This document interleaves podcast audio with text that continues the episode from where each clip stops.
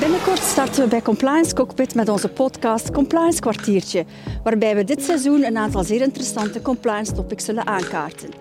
Het eerste onderwerp ligt ons zeer nauw aan het hart: integriteit. Integriteit is eigenlijk een persoonlijke eigenschap die toont of je open en eerlijk bent.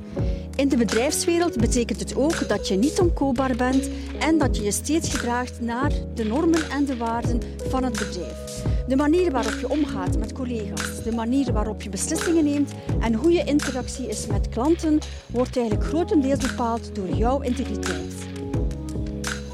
Integriteit is niet enkel een corporate topic, maar leeft ook enorm in onze maatschappij.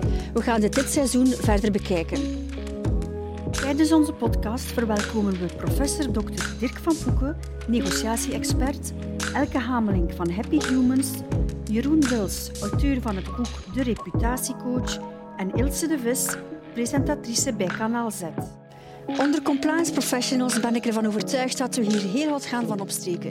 Ik kijk er alvast naar uit en ik hoop dat jullie meeluisteren.